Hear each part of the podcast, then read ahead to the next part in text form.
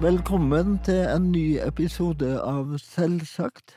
Jeg heter Helge Olav Haneseth Ramstad, og i dag skal vi snakke mer om borgerstyrt personlig assistanse, BPA.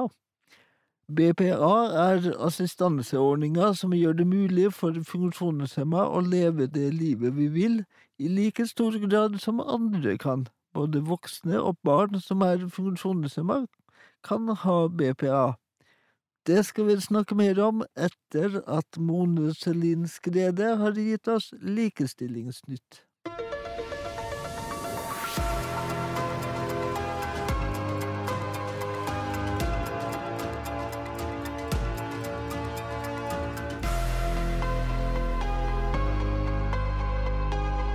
Lillestrøm kommune har utlyst anbudskonkurranse for borgerstyrt personlig assistanse, BPA, uten at det kommunale rådet for funksjonshemma fikk handsame innholdet i konkurransegrunnlaget. Lokallaget til Norges Handikapforbund i Lillestrøm reagerer kraftig.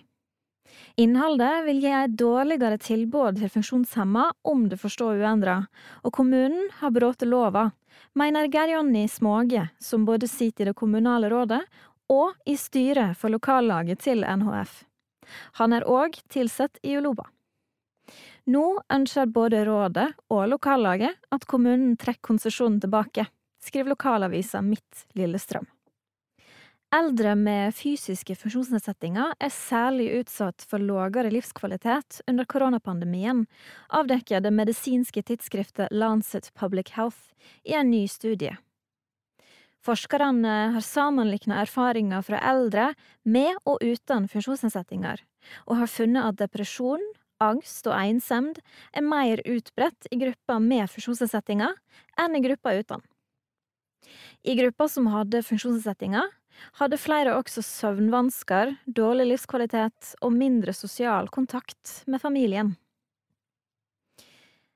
Er du under 35 år og interessert i å lære mer om bærekraftsmål og unge funksjonshemma?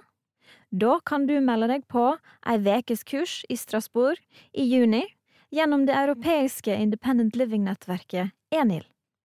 Kurset skal mellom annet handle om å engasjere seg i politiske prosesser, om inkluderende og tilgjengelig utdanning, og om personlig assistanse.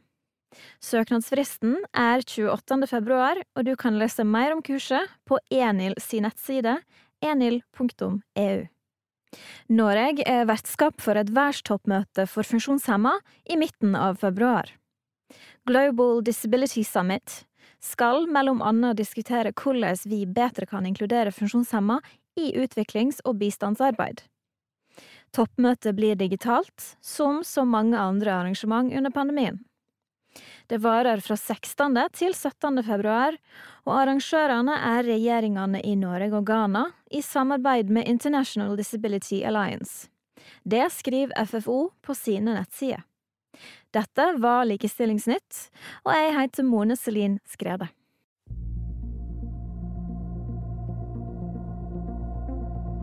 Vi har tidligere i Selvsagt hørt Ulobas generalsekretær Vibeke Marøy Melstrøm beskrive BPA som et likestillingsverktøy.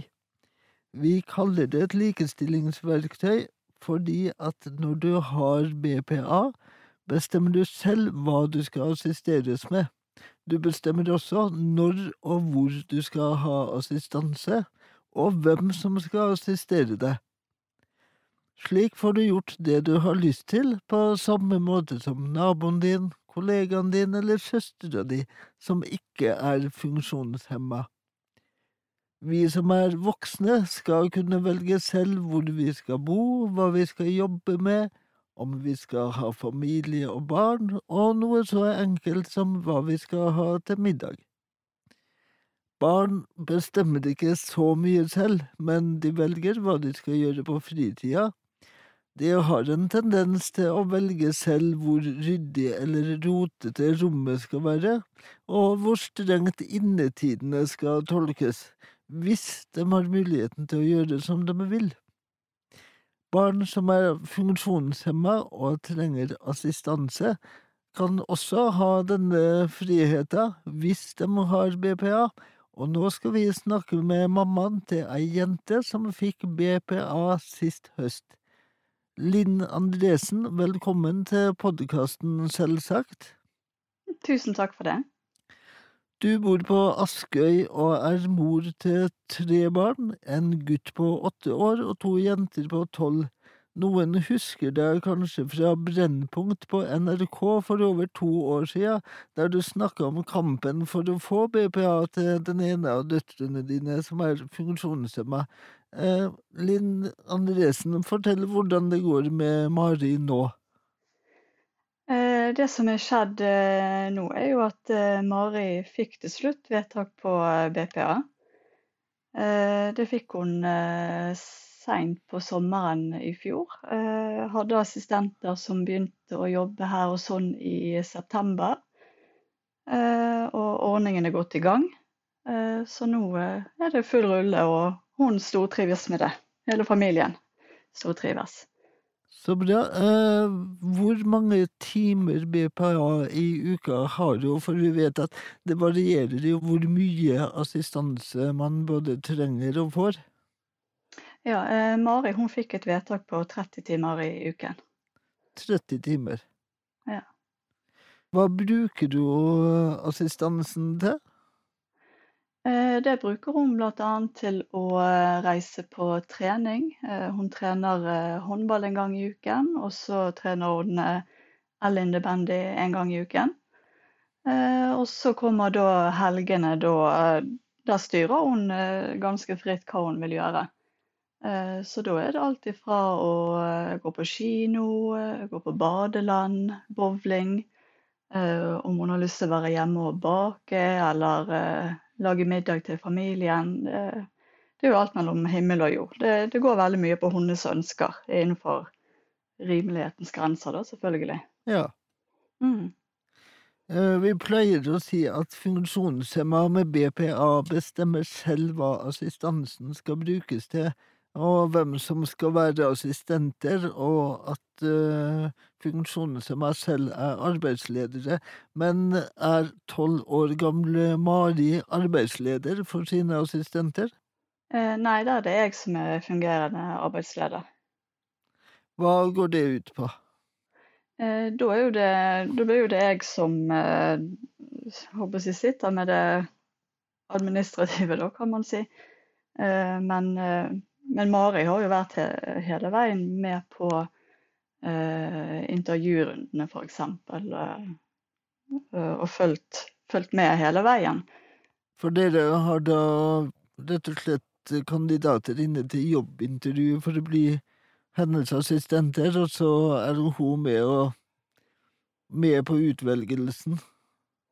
Ja, hun hadde veldig mye, veldig mye å si for hvem som eh, ble ansatt. Eh, og da måtte jo vi se an på hvordan kjemien var òg, da. Blant de som vi først så få oss kunne være aktuelle. Nettopp. Ja. Kan du si litt mer om uh, din rolle som uh, fungerende arbeidsleder? Ja, det blir jo bl.a. dette med å ha opplæring av assistenter. det er så er sammen med Mari. Eh, og så eh, blir jo det å se til at eh, timene blir sendt inn til Uloba, så de får utbetalt lønnen sin. Se til at, at vi si, overholder lover og regler i forhold til arbeidstider og, og de tingene. Du, snakka litt om uh, Maris uh, interesser og hvordan en uh, hverdag med BPA ser ut for henne. hvor viktig er BPA for at Mari skal få gjøre de tinga hun vil? Det er veldig viktig.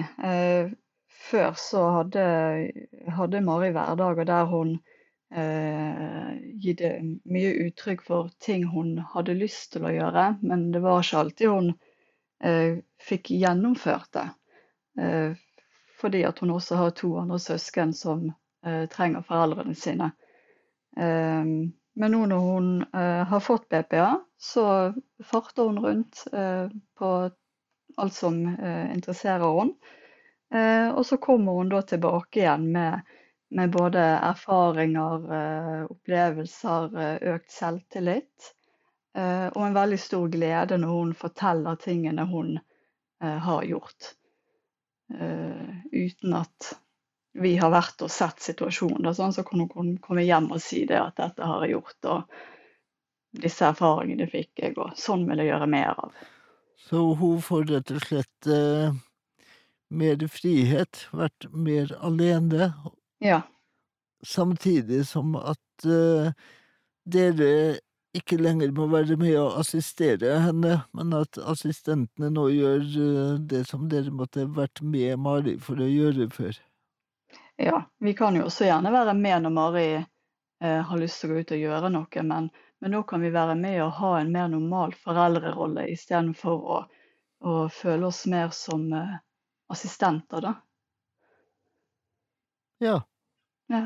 Så det er jo, det er jo en veldig stor forskjell som vi, vi kjenner på. At, uh, at vi At vi kan se hun sånn som vi også ser eh, søsknene hennes. Vi kan være tilskuere på, på håndballkamper eller på, på L-innebandykamper. Eh, Vi slipper å være den som er ute på banen og assisterer henne. Vi kan sitte på tribunen og applaudere. nettopp. Mm. Er du flink til å holde din plass på tribunen, eller er du, blir du en sånn overengasjert uh, heiagjeng? Jeg får ikke lov til å bli for overengasjert, det, det blir kleint. Så da sitter hun meg litt på plass. Det gjør hun. Men, men det er veldig kjekt å endelig få kunne være den som sitter der og, og kunne følge med da, og heie. Eh, Linn Andresen, hva vil du si til andre foreldre til funksjonshemma barn som kanskje ikke har hørt så mye om BPA før? Og det må være at eh, det for det første er jo det en, eh, en fantastisk fin ordning når, man har, når man har kommet i gang med den og, og fått den til å fungere. Eh, og, og det er en opplevelse av at at, eh, at du kan ha en mer normal foreldrerolle. Eh, fremfor å, å bruke mest tid på å assistere. Så det, det er absolutt noe som er verdt å, å undersøke, og det er verdt å søke. Selv om søkeprosessen kan være lang og tung. Det, det gjelder å ikke gi seg. eh, For det, det er lys i enden av tunnelen. Det har jeg erfart godt sjøl. Men den uh, nye rollen din som arbeidsleder med uh, innsikt i uh, lovverk knytta til å ansette folk osv., var det kompetanse du hadde fra før, som man må ha? Nei, jeg hadde ingen kompetanse på det før. Eh, Det, det var opplæring som eh, ble gitt. En veldig god opplæring, vil jeg si. Ja. Ja. Da ønsker vi deg og Mari lykke til videre med BPA-hverdagen. Jo, takk for det. Takk skal du ha. Jo, bare hyggelig.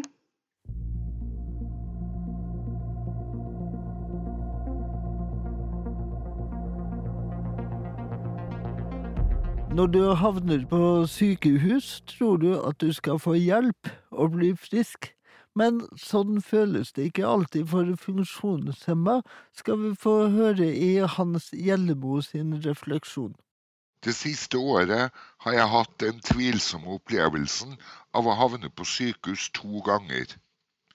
Det skal god helse til for å tåle et sykehusopphold, i alle fall som funksjonshemmet. Normalt forventer man jo å få hjelp på et sykehus, men som funksjonshemmet blir du gjort enda mer hjelpeløs enn det som er nødvendig. Jeg klarer ikke å gå over lange avstander, og på et sykehus er det mange og lange korridorer. Første runde gikk til Lovisenberg diakonale sykehus i Oslo. Ettersom det ikke var nødvendig å ligge i sengen hele dagen, ba jeg om en rullestol.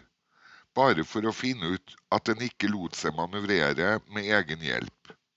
Den var ødelagt og manglet både det ene og det andre. Andre runde gikk til Ullevål universitetssykehus, som er enda større enn Lovisenberg og med enda flere korridorer. Heller ikke her var det mulig å oppdrive en rullestol som kunne manøvreres ved egen hjelp. Det til tross for et skilt på soverommet som oppfordret pasienter til å stå opp og kle på seg fremfor å ligge hele dagen i sengen. Begge sykehusene er offentlige. Lovisenberg har en avtale med staten, og Ullevål er sågar et universitetssykehus. Men en rullestol som virker, går det altså ikke an å oppdrive. De siste årene har vi hørt om helsepersonell som er sterkt belastet som en følge av pandemien. Da må det vel være en fordel at pasientene i størst mulig grad kan være selvhjulpne. Men nei, som funksjonshemmet gjøres du hjelpeløs og settes helt ut av spill. Jeg skrev meg ut fra Lovisenberg etter en dag fordi jeg ikke klarte å fungere der. Overlegen beklaget og sa jeg var flink. På Ullevål fikk jeg ikke skrevet meg ut, men fant en rullestol på et lager som virket sånn noenlunde. Der snakket legene til meg som om jeg var et barn. Dette er det offentlige Norge, den såkalte velferdsstaten. Jeg synes det er en skandale. Men verden går dessverre ikke så fort fremover. I alle fall ikke med defekte rullestoler. Takk til Hans Gjellemo. Du har hørt åttende episode av Selvsagt. Mange har ennå ikke hørt om Selvsagt og vet ikke at podkasten finnes. Du kan hjelpe til med å fortelle dem det. Få vennene eller kollegene dine til å lytte og til å følge Selvsagt så de får beskjed hver gang vi kommer med nye episoder. Har du forslag til hva vi bør snakke om i senere episoder, eller vil du kommentere noe av det du har hørt? Da kan du sende en e-post til selvsagt alfakrølluloba.no.